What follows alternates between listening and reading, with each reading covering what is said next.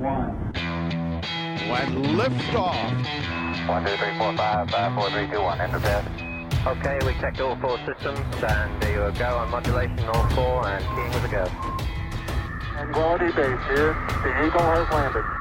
Siste ord som ble sagt før du hører dette, var 'vi bare kjører'.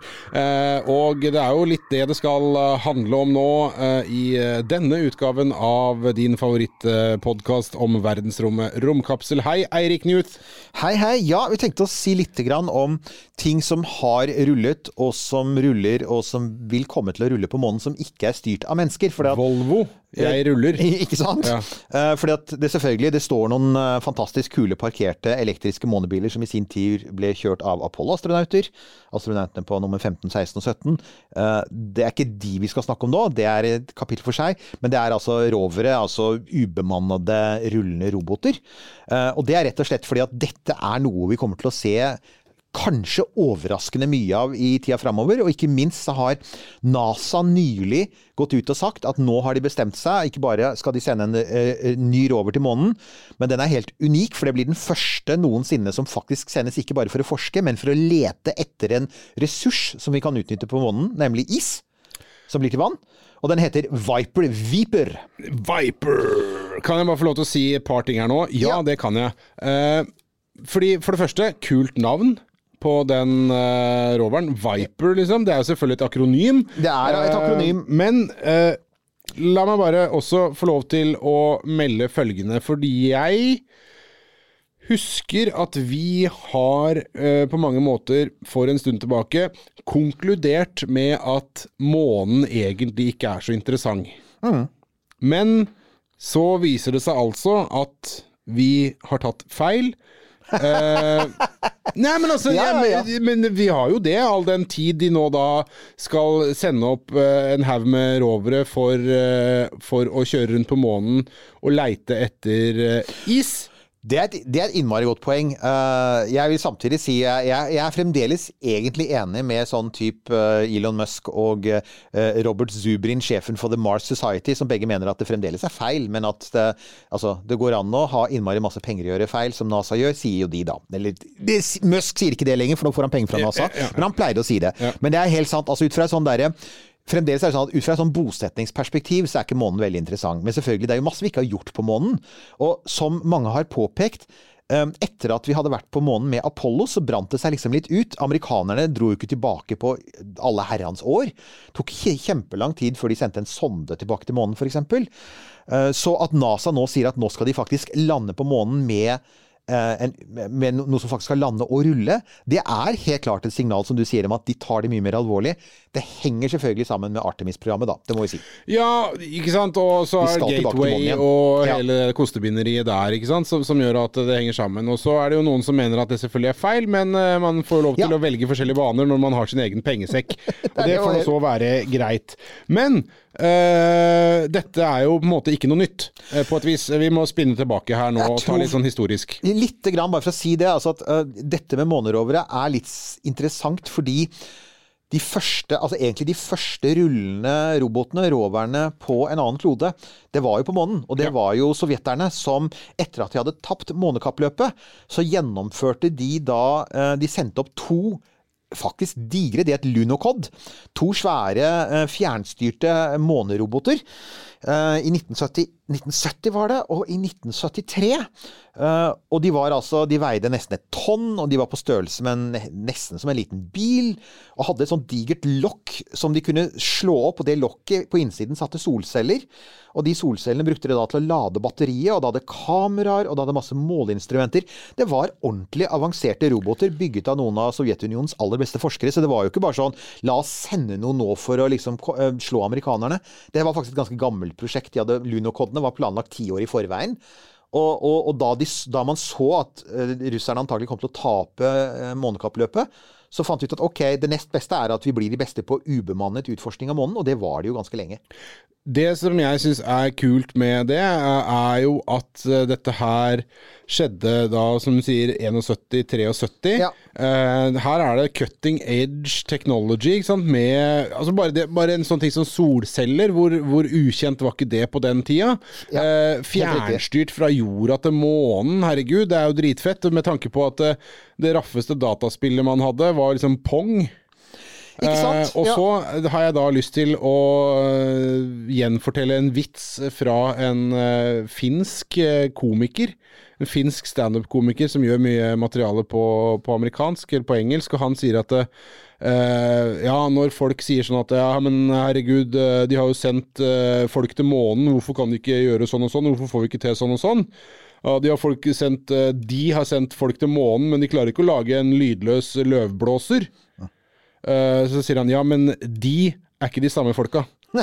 Det er et innmari Det er ikke poeng. de samme de. Helt sant. Uh, og i dette tilfellet så var det jo da altså, eh, Her var det da uh, en, noen fremragende ingeniører som faktisk fant ikke bare Altså, de, de, de løste jo blant annet Det er jo De løste et av de problemene du har når du skal til månen. Det er jo noen grunner til at vi ikke har vært så mye på månen siden Apollo. Altså, Apollo-ferdene de foregikk i løpet, måned, I løpet av selve månedagen. De varte jo de varte maksimalt bare noen dager. Og månen fungerer jo sånn at den, altså en, en, et månedøgn er én måned. Den bruker jo en måned på å gå rundt jorda. Og i løpet av den perioden så har den også en natt som da er 14 dager lang. Og den natten kan bli fryktelig, fryktelig, fryktelig kald. Og det vil si at hvis du da f.eks. har Hvis du tenker tilbake til 1970, da. eh, Så, så kunne du ikke bare parkere en månerover i månenatten og vente på at sola skulle stå opp igjen og begynne å lade batteriene, og tro at det batteriet ville våkne igjen. fordi at det batteriet ville da ha frosset, for dette var jo lenge før litium-ion-batterier og all, disse, all den kule batteriteknologien vi har nå. Det var ganske hadde primitivt. den gamle, giftige syrebatterigreia som folk den- daua i ubåtene. Ikke sant? Og som også selvfølgelig da ikke ville tåle sånn minus 150 grader celsius. Og det problemet det løste faktisk eh, sovjeterne. Og De, de, de fant en løsning som kineserne har brukt fram til denne dag. og Det er at de hadde et sånt lite radioaktivt element, altså en liten klump med radioaktivt materiale med polonium. um, er Og polonium, ja. Det som man driver og dreper folk med. som man driver og dreper, dreper folk med, og som da ble funnet av eh, Marie Curie, som jo opprinnelig het Marie Sklodowska, var fra Polen, derfor heter det polonium. Um, og, så de hadde en liten klump med polonium om bord i disse her eh, månebilene sine, som holdt liksom sånn magen på månebilen varm i månenatten. Som er, altså igjen, når du tenker på det, skikkelig smart, og det gjorde jo da at, eh, at, den, den, eh, at denne første uh, lunokoden, den overlevde altså ti måneder. Og det vil si at den gikk gjennom massevis av månenetter. og den sendte tilbake over 20 000 bilder fra månen. og masse, så Dette var to, Lunocode 1 og 2 veldig vellykkede ferder. Og så ble- det Altså, her er en sånn ting som det har vært gått rykter om, aldri blitt bekreftet. Det er ikke så ofte vi sprer sånne rykter, men dette ryktet er litt for godt til å, til ikke å spre det. Og det er, de er som sagt, lunokodene var svære. De er Ja. egentlig overdimensjonerte. Og et av ryktene som har gått og, og vært holdt seg helt siden den gang, det er at var lunokodene ment å være en del av det bemannede programmet? For de var planlagt lenge. altså De ble planlagt omtrent på den tiden da sovjeterne satte seg ned og sa kanskje vi også skal sende folk til månen, altså 62-63. ikke sant?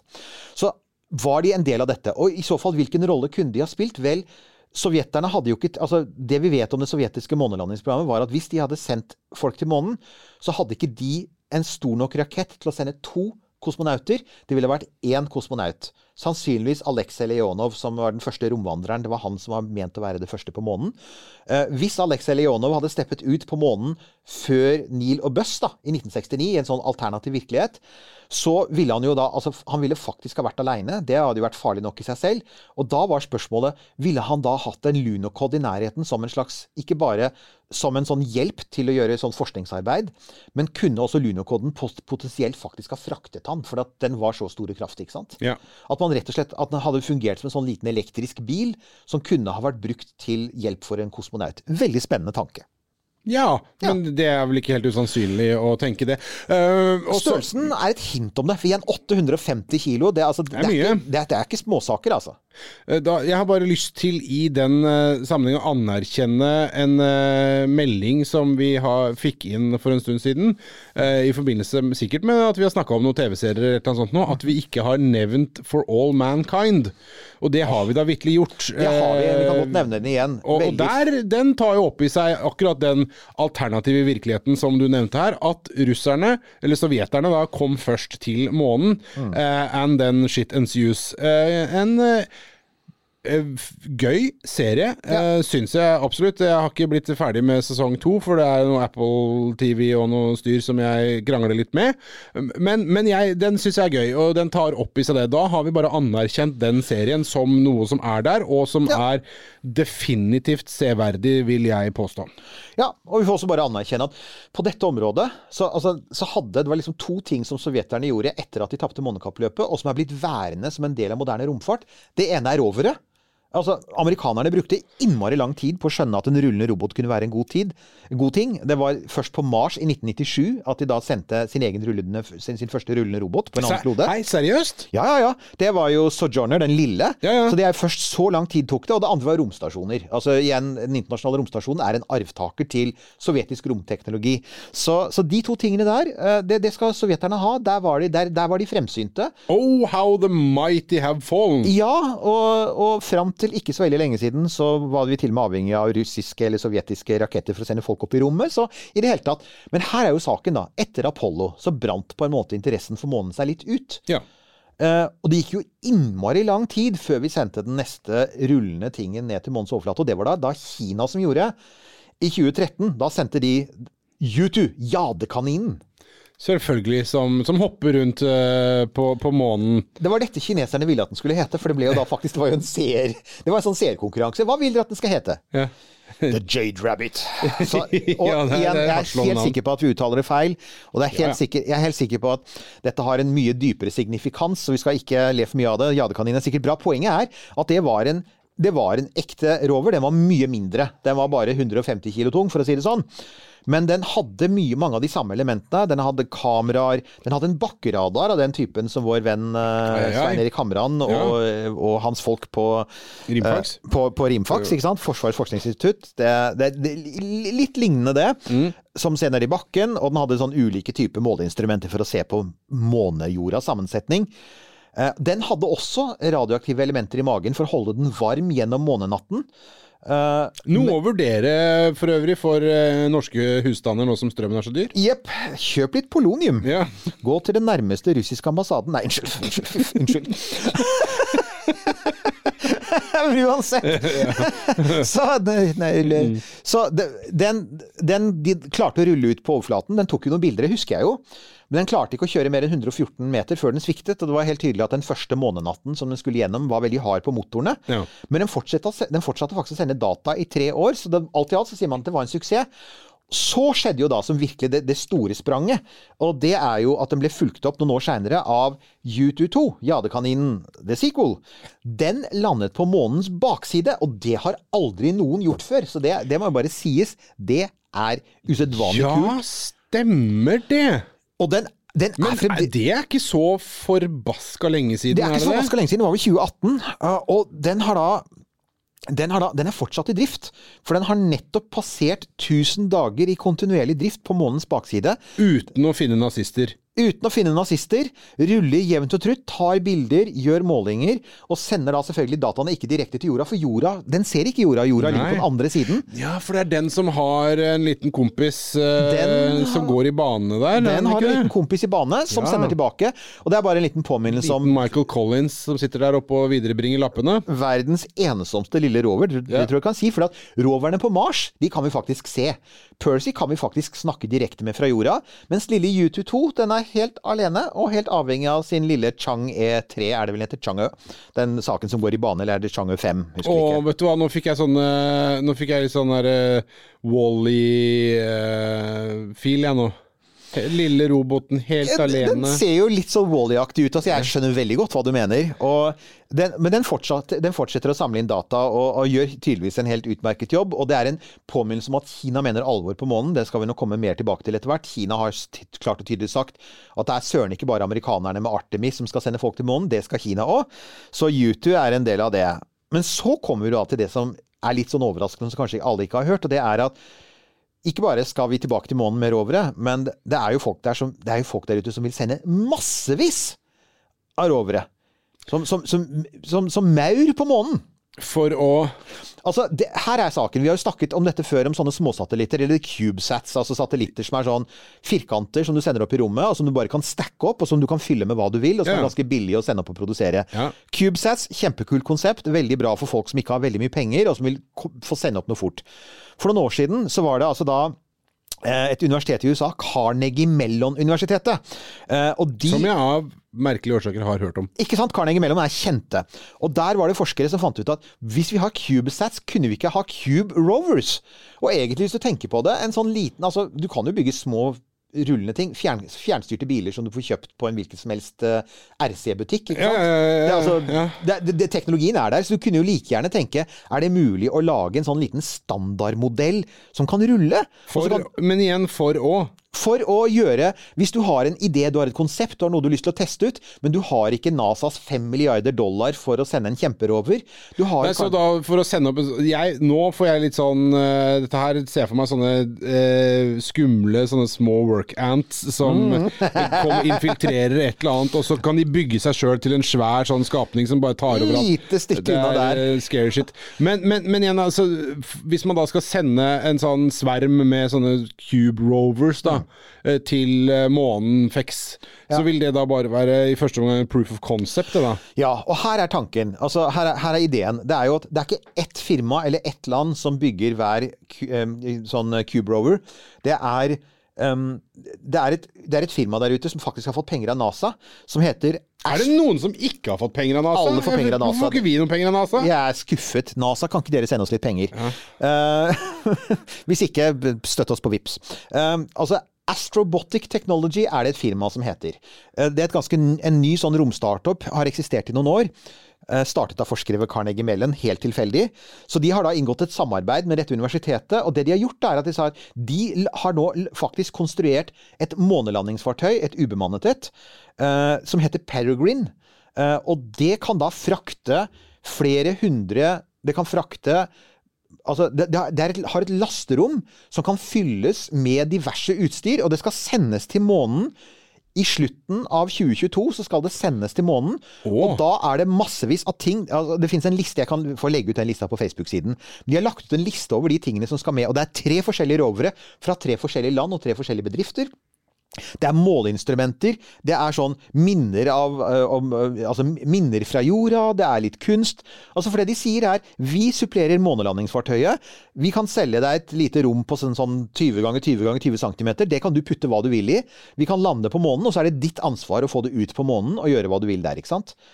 Og dette har NASA støttet, og de har også kjøpt seg inn i det. Og fordelen med dette er da at man får testet masse roverkonsepter som ikke bare kommer fra ett sted, men fra ulike steder.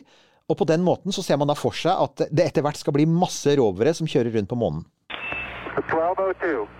Her ser jeg for meg at det nå sitter en liten gjeng med folk et eller annet sted oppå NTNU etter space-greiene der oppe. Hei, dere i Space NTNU. Har ikke dere egentlig tenkt på det? pønsker på noe greier. Ja, det, det, så et eller annet sted bak i hodet mitt nå så ringer det en bjelle som sier Jeg mener å ha hørt at det er noen i Norge. Altså CubeSats vet vi at de har jobbet med, for det har vi snakket om. Og selfiesat. Og selfiesat, så, det, så dette er, det, det er de allerede i gang med, og det er kjempekult. Men, en, men, men altså, dette med en cube rover til månen, det må da være det. Og hvis det er det, så bare si fra til oss. Da bare minn oss på det, så må vi jo snakke om det. For, Er du gæren? for dette er kjempekult. Altså, igjen, det aller beste med det er at det er lave kostnader, eh, og du kan teste et spesialisert konsept. For at typisk for disse roverne vi har sendt, da, det enten det gjaldt Lunocod eller U2, eller denne Viper som vi straks kommer til, er selvfølgelig at de, de skal gjøre litt av alt. De skal, de skal gjøre sånn fem-ti forskjellige ting, for de, de er veldig dyre, og du har én.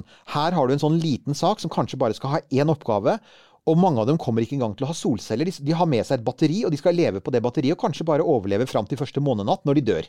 Ja. Det er fordi det er vanskelig å overleve denne veldig veldig kalde og lange månenatten. Så da har du en rover som kjører rundt f.eks. en ti dagers tid, og så blir det kaldt, og så dør de, men da har, i mellomtiden har de rukket å sende tilbake data til jorda. Og det kan du, du kan jo både sende tilbake data og fjernstyre dem, for at jorda er ganske nær. Sant?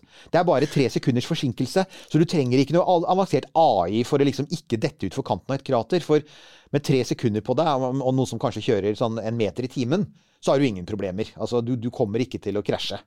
Mars er jo da noe annet. ja. Så, så det er noen fordeler der med månen, da. Jeg hadde aldri Ja, trodd jeg men- skulle si det, men det er noe bra med månen. det er noe bra med månen.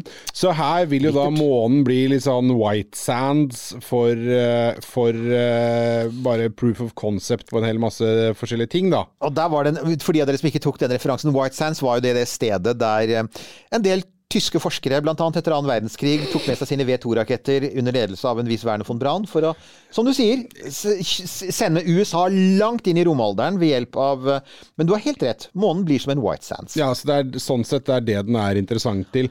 Bortsett fra da, hvis man skal snakke om Viper. Men her er saken, og det overrasket meg. Jeg var ikke klar over det. Det var jo at det viser seg at det var derfor vi måtte nevne disse Astrobotics-folka, som vi ikke har nevnt før. De er også involvert i Viper, for det NASA har gjort, er at de har rett og slett De har, de har gått til um, eh, Astrobotics, så har de sagt vi har en cube Det er ikke en cube rover, den er ikke liten. Uh, Viper, som da står for Volatiles Investigating Polar Explorer, Exploration Rover. Volatiles er uh, i praksis vann. Investigation, Polar Exploration Rover, betyr bare at du skal undersøke polområdene på månen. Um, så Jeg, skulle, jeg, jeg kunne godt tenkt meg en gang å være som flue på veggen uh, på sånn akronymutviklingsmøte borti NASA der. det må finnes et eget, det må finnes et eget akronymkontor i NASA. De, de elsker dette. Åh, det har vært Tenk å jobbe der. Hva, hva driver du med? Nei, jeg jobber på akronymkontoret i eh, NASA. Hva er det du gjør, da? Nei, jeg pønsker ut å prøve å finne ut hva bokstaver kan stå for. Det er gøy, da. Så setter vi det her, er, her er planen. Altså, eh, det er våre venner i Astrobotics. De har et større månelandingsfartøy denne gangen. For det skal kunne bl.a. frakte uh, Viper og diverse andre ting. Den heter Griffin, og den skal skytes opp med en Falcon Heavy, intet mindre, eh, fra SpaceX i slutten av 2023. Og da skal den lande på nær månens sørpol. Eh, og der skal den slippe ut Viper-roveren, som da altså veier 450 kilo, som er på størrelse med en sånn liten golfkart. Uh, den er solcelledrevet. Ja. Uh, og den skal forsøke å overleve månenatten ved å ha et veldig sånt hardført batteri. Men her er da det som er litt spesielt. Den skal jo da lande nær månens sydpol, og så skal den kjøre ned i et krater og undersøke områder hvor det ikke har vært sollys fordi at månen står som den gjør. da, altså så, Områder som har ligget i skyggen i milliarder av år. Ja. Og dette er den første roveren som faktisk blir utstyrt med lyskastere, for det er helt knallmørkt der nede. Husk på, det er jo ikke noe atmosfære som reflekterer noe, så alle skygger er kølsvarte. Det ser du på Apollo-bildet nå, ikke sant? Så den skal kjøre ned i kølsvart skygge. Og, og, og leve på batteriet sitt, og så skal den drille ned i månestøvet og lete etter is, for man tror jo at det ligger eldgammel is, kanskje rester etter kometnedslag fra milliarder av år siden, i dype kratre nær Sørpolen og Nordpolen på månen, der sollyset aldri når ned. Hvis ikke det er en kul rover, så vet ikke jeg hva. Er ikke Viper noe av det kuleste roveraktige jeg har hørt om på en stund, tenkte jeg bare. Ja, jo, det kjenner jeg. Jeg kjenner eh, at det er det. Samtidig så, eh, så eh, tenker jeg at fy fader, nå nå er det litt sånn scary, fordi se for deg at denne roveren kjører ned i krateret, og så ser du for deg at eh, den eh, begynner å bore ned, og så borer den ned i noe den ikke skulle ha boret ned i, og så Ja. All hell breaks loose. Og det den da treffer, er selvfølgelig en eh, udetonert sovjetisk mine fra 1976, f.eks. Eller romnazistene. Ja, Det Roma, er den ja, eh, det- ja, punkterer eh, For, at, altså, eh, vi, altså, for her er jo saken. Hvis romnazister skal gjemme seg på månen, så er selvfølgelig kratrene nær Nordpolen og Sørpolen ideelle. Fordi Definitivt. Der der er det alltid mørkt. Ja. Der, og, og, og vi har heller ikke altså, Vi har jo hatt veldig begrenset mulighet til å se ned i dem, bortsett fra selvfølgelig med diverse målutstyr. Men Men ja. Eh, her er jo saken, da. Den har altså solceller, så den må lade opp batteriene sine. Og så må den kjøre ned i mørket, og så skal den bore etter is. Og så skal den finne seg noen sånne små høyder. Det er allerede planlagt. Det er sånn 90 kvadratkilometer eller sånt noe, som er kartlagt og som er planlagt. Så skal den finne seg noen høyder som den må kjøre opp på. Så må den stikke solcellepanelene sine opp, sånn at den kan fange det veldig skrå sollyset som da kommer som, som, som, kan, som, eh, kan, lade opp batteriene. Og så skal den dukke ned i mørket igjen. Og dette skal den da holde på med i hvert fall eh, i løpet av um, tre måneddøgn. Altså i hvert fall 100 dager, da, ser man for seg. Eh, det er det den er bygd for. Man håper vel at den skal kunne leve lengre, men man veit også at de stadige skiftene mellom høy og lav temperatur og sånn kommer antagelig til å ta livet av den.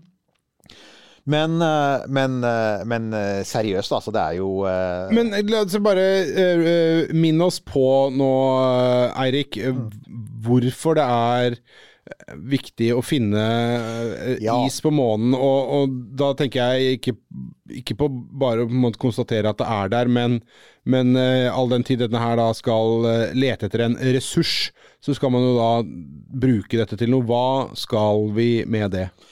Nei, det er jo et veldig godt poeng. Eh, dette var jo, altså Man oppdaget jo mer eller mindre ved en tilfeldighet når man begynte å sende sonder tilbake til månen på slutten av 90-tallet. Så, så, gjorde man målinger som viste at det, det var tegn til is eh, under, under, støvet i bunnen av kraterne ved månens nordpol og sydpol, hvor det aldri var sollys. Uh, og det satte på mange måter månen i et nytt lys. fordi at før det da, så hadde man egentlig tenkt egentlig sagt, altså, Det er ingenting der, det er støv, men det er jo ikke noe vann. ikke sant? Og vann er utrolig viktig. Eh, hvis, du ha, hvis, du vil ha, en base der, da, hvis du vil ha mennesker boende der, så har du spart masse tid og penger hvis du kan hente lokalt vann istedenfor å frakte det vannet hele veien fra jorda. Og det, du, det, vannet kan du selvfølgelig bruke til å drikke og, og vanne planter med, men det du også kan gjøre, er å spalte det opp, og da har du hydrogen og oksygen. Og oksygenet kan du puste. Og hydrogen og oksygen sammen er også rakettbrennstoff. Og det har fått NASA til å si at hvis vi skal ha en større base på månen, så, og den skal være der en stund, så vil vi gjerne ha muligheten til å hente ut lokale ressurser. For det vil spare masse tid og penger. Og drømmen til NASA det er jo at vi skal klare å utvinne nok vann på månen til at månen skal bli en slags bensinstasjon på veien til Mars. Altså at man skal stoppe innom månen og tanke opp, og så skal man dra videre. Det da en del folk påpeker, inklusive Elon Musk og Robert Zubrin, er at det gir ikke noe egentlig energimessig mening. Du kan like godt tanke opp nær jorda. Men det er nå en diskusjon for en annen dag. Det er det NASA har lyst til å gjøre, og det er de som har pengene. Så det, det, er helt klart en strategi som ligger bak det, og den er langsiktig. Og den tenker at ok, du skal, hvis du vil ha mennesker på månen og ha månebaser der, så virker det helt urealistisk å, å, ha folk boende der permanent hvis ikke du har vann der. Finner du denne isen, og er den drivverdig, ja. så er det kjangs, rett og slett. Ja. Så det er ganske viktig. Ja. Ja, for, for, NASA. For NASA, Men også for menneskeheten. Altså, det er klart, det har jo vært en sånn Vi har jo hatt noen sånne visjoner av at på et eller annet tidspunkt så har vi ikke bare en sivilisasjon altså Når man står på månen, så kan man stå og se ned på lysene på jorda. Men da ser vi for oss en fremtid hvor vi står på, månen, vi står på jorda, og så kan vi stå opp og se på lysene på månen, da. Særlig når det er nymåne og ikke det er fullmåne, for da er jo sollyset for sterkt. Men når det er nymåne, så vil du da se at den mørklagte måneoverflaten, så vil du kunne se lysene fra store byer på månen. Det, det er ikke realistisk i det hele tatt om månen er knusktørr. For da, selv det mest basiske altså det mest basiske av alle ting menneskene trenger, er vann, og vi trenger mye av det. Planter og dyr og mennesker trenger masse vann, og hvis det må fraktes utenfra, så går det ikke. Nei. Men fins det der, så er det bra. Så, så er make or break da, for uh, måte, en, en, eller annen form for uh, drivverdig eksistens, uh, men, menneskelig eksistens på månen? Ja, og det du sier er, det er utrolig viktig. Det må være drivverdig. Det er derfor det er ressursfokus på det. For vi vet at det er is der. Det er nå ganske grundig konstatert. Men én ting er at det er is der, en annen ting er faktisk hvor mye det er, om, om det i det hele tatt er praktisk mulig å hente det ut. Et problem der, det er faktisk månestøvet. Månestøvet har noen veldig fine egenskaper når det gjelder is. Det er veldig isolerende. altså Du holder veldig godt på temperatur. Det, det, det fortelles at den andre Lunocod-roveren til ja. sovjeterne, eh, eh, den eller jeg lurer på, Det var den første, den som ikke levde, den, den levde kortere enn man hadde forventet. Og Grunnen til det skal visstnok ha vært at da den kjørte ned i et månekrater, så kom det svære solcellepanelet kom borti kanten på månekrateret, og så falt det litt månestøv ned på solcellepanelene. Og da den lukket lokket, for den lukket lokket for å holde varmen i månenatten, så falt det månestøv inn i lunokoden. Og det månestøvet det isolerte det der varmeelementet så godt, poloniumelementet, så godt at den overopphetet og faktisk døde av det. Så månestøv er problematisk. Månestøv var vanskelig for Apollo-astronautene, det vet vi. De sleit ja. med det. Så jeg tenker at det, vi vil ikke bare finne ut om det er is på månen, vi vil finne ut om, om det i det hele tatt er mulig å gjøre noe med det, eller om dette månestøvet lager så mye trøbbel at vi bare sier at det er, det er ikke verdt bryderiet. Nei, nei. Hmm. nei, for det er veldig finkorna og gets everywhere, ikke sant? Det er akkurat Så- det. Men Og- du, eh, tilbake til, til Viper her, da. Eh, den den skal bore etter vann, og den skal gjøre det lenge. Og den skal, eh, skal finne forhåpentligvis da eh, drivverdige isforekomster på Sydpolen av månen. Er det, er det noe er, Snakker vi også om Viper 2 til Nordpolen her, eller hvor eh, Altså, Foreløpig er det ikke noen sånne planer om det. Uh, og det, jeg tror veldig mye kommer til å henge på hvordan, eh, altså hva man lærer med denne, med, med denne ferden her. Da. Den skal jo kjøre ganske langt. Den skal kjøre eh, på 100 dager. Så skal den kjøre 24 km. Og da, da, hvis man da tenker at eh, en typisk eh, rover på Mars kan bruke liksom sånn mange, mange, mange år på å kjøre, på å kjøre tilsvarende lengde, så, så er det Den er rask òg. den er rask. Den kommer til å bli fjernstyrt um, Den kommer til å bli fjernstyrt fra jorda. og det vil si at man, den, den får ikke noen sånn avanserte antikollisjonssystemer, eller sånt, noe, for at det kommer hele tiden til å sitte folk der og oh, ja. se gjennom kamera med no, et par sekunders forsinkelse. Så det kommer til å være et ganske stort mannskap på jorda som lever i de 100 dagene, som kommer til å gå på skift og bare ikke gjøre noe annet enn å styre den. Eh, den vil jo da igjen ha denne her den, den, den aller største utfordringen er temperaturforskjellene. fordi at når den er oppi, Ja, hvor, hvor, hvor, hvor store er svingningene? ikke sant? Altså, når, fra, fra den er oppe i sola og, og, og suger opp litt energi, så blir jo også selve roveren varmet opp i sollyset. Og så kjører ned i skyggen igjen, så er det en temperaturdifferanse på 260 grader celsius. Ja. Det er ganske mye, altså. Det er pizzatemperatur, det. Det er det, og, det er liksom, og dette skjer jo og igjen fordi det ikke finnes noen dempende effekt eh, på månen, så er det umiddelbart. Så det er liksom i det øyeblikk du går fra sola og ned i skyggen, så, går du, så, det, så har du det temperaturfallet, ikke sant. Så, så dette er jo noe man kommer til å måtte deale med, og dette er noe som helt sikkert også er med på å sette, si, sette grensa for hvor lenge en kan leve. Uh, så Så ja. Det, Men allikevel, det er kult. det er kult. Og så er det en sånn liten, liten sånn detalj helt her på slutten. og Det er litt interessant for nordmenn. Og det er krateret den skal lande i, det, eh, på nær månens sydpol. Ja. Det heter Nobile. Eh, og de der ute som er litt sånn polforskningsnerder, de vil kjenne igjen det navnet. For det er den italienske polforskeren og flypioneren Umberto Nobile som ka, eh, eh, klatrer opp. Umberto Nobile. Og han er da kjent for bl.a. for å ha bygd eh, luftskip. Han bygde bl.a. luftskipet Norge, som han ble for Roald Amundsen, på oppdrag av Roald Amundsen. For Roald Amundsen ville gjerne fly til Nordpolen. Og den 12. mai 1926 så gjennomførte Norge luftskipet, altså. Eh, sannsynligvis den første overfly overflygingen av Nordpolen. Det var jo en amerikaner som het Bird, som hadde fløy fløyet over før, før, men det, hans flygning har vært litt omstridt. Og i dag så er det mange som mener at det var faktisk eh, Nobile og Amundsen og Norge som var først på Nordpolen eh, i lufta, da, i 1926. Eh, og her er saken, selvfølgelig. Amundsen har også et krater nær månens sørpol. Faktisk ser ut til å ligge vegg i vegg med Nobile-krateret. Så eh, det ser ikke ut som om eh, Viper kommer til å kjøre over i Amundsen-krateret, men, det- men allikevel. Og selvfølgelig, jeg er jo da egentlig jo Da skal vi få en eh, norsk rover som heter Troll. den skal hete Troll, og så Ja. er det selvfølgelig Og, og, og, og, britene vil selvfølgelig slenge seg på, nå som de har. Ja, for det, det er poenget. Scott-krateret ligger nemlig rett ved. så, så disse, disse eh, astronomene som bestemmer hvor, hva, hvilke navn krateren skal ha, har humor, selvfølgelig. Eh, det, det skal de ha. Og som sagt, britene vil også slenge seg på, for eh, av alle de rare ting som har skjedd i det siste, så var jo lanseringen av Storbritannias nye romstrategi, der eh, Boris Johnson skrev et forord hvor han snakket om Galactic Britain. Det er eh, foreløpig noe av det mer fascinerende vi har hørt. Så, så hvem vet, kanskje vi også får en eh, Viper 3 fra Galactic Britain om noen år. Nei, det gjør vi ikke, fordi at eh, et av de største problemene i Storbritannia akkurat nå er at de ikke har har nok sjåfører. Vi har ingen til å kjøre dem! Vi kan få en rover, men den står stille, gitt. Den står stille. Ja. Yes. Å, politikk inn der, altså. Lenge leve brexit. lite politisk Du, spark der. Apropos det på tampen her, Ja. eh, Eirik eh, Brite. Og hvordan går det med oppholdstillatelsen din? For so far, so good.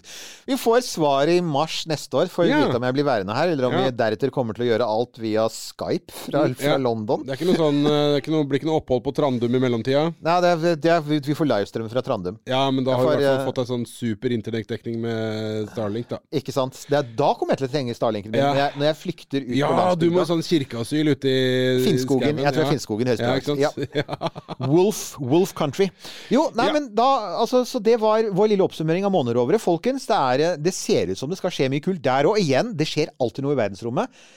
Jeg, helt ærlig, jeg tenkte jeg, vi skal snakke litt om Viper, så begynte jeg å sjekke så Cube Rover, for jeg var ikke klar over at det har vært så mye prat om det i det siste. Så det var Jeg liksom- lærer noe hver gang vi samles, jeg, Erik. Ja, men du vet hva, det gjør jeg òg. Jeg håper at dere også som hører på, har lært noe. Cube Rovers. Og hvis det, igjen, hvis det er noen av dere ute som faktisk har et Cube Rover-prosjekt på gang, eller for den saks skyld CubeSat, ta kontakt. Vi er veldig interessert i å høre mer om det. For det, akkurat hvordan du bygger en sånn liten rover Liten boks på sånn 10 ganger 10 ganger 10 cm, på størrelse med en liten radiokontrollert bil som skal kjøre på månen. Hallo? Det er gøy.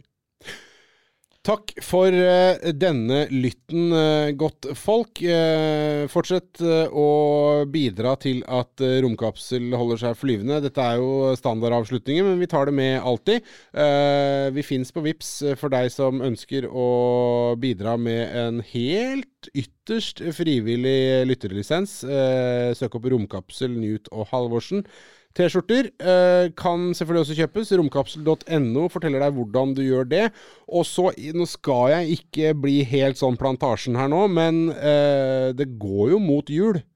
Eh, så hvis eh, det er en greie, da, at eh, det være seg et eller annet fra vår merch-avdeling skal finne sin vei under noen trær, så vennligst eh, for min egen fysiske og psykiske helse, vær litt tidlig ute med å bestille. Ikke sant? For at vi er, er faktisk der, folkens, at eh, det dere nettopp hørte, det var nettbutikken vår. ja. Eh, eh, både logistikkansvarlig og lageransvarlig der, altså. The buck stops here, som amerikanerne sier. Ja. Hvis vi høres, da. Ja.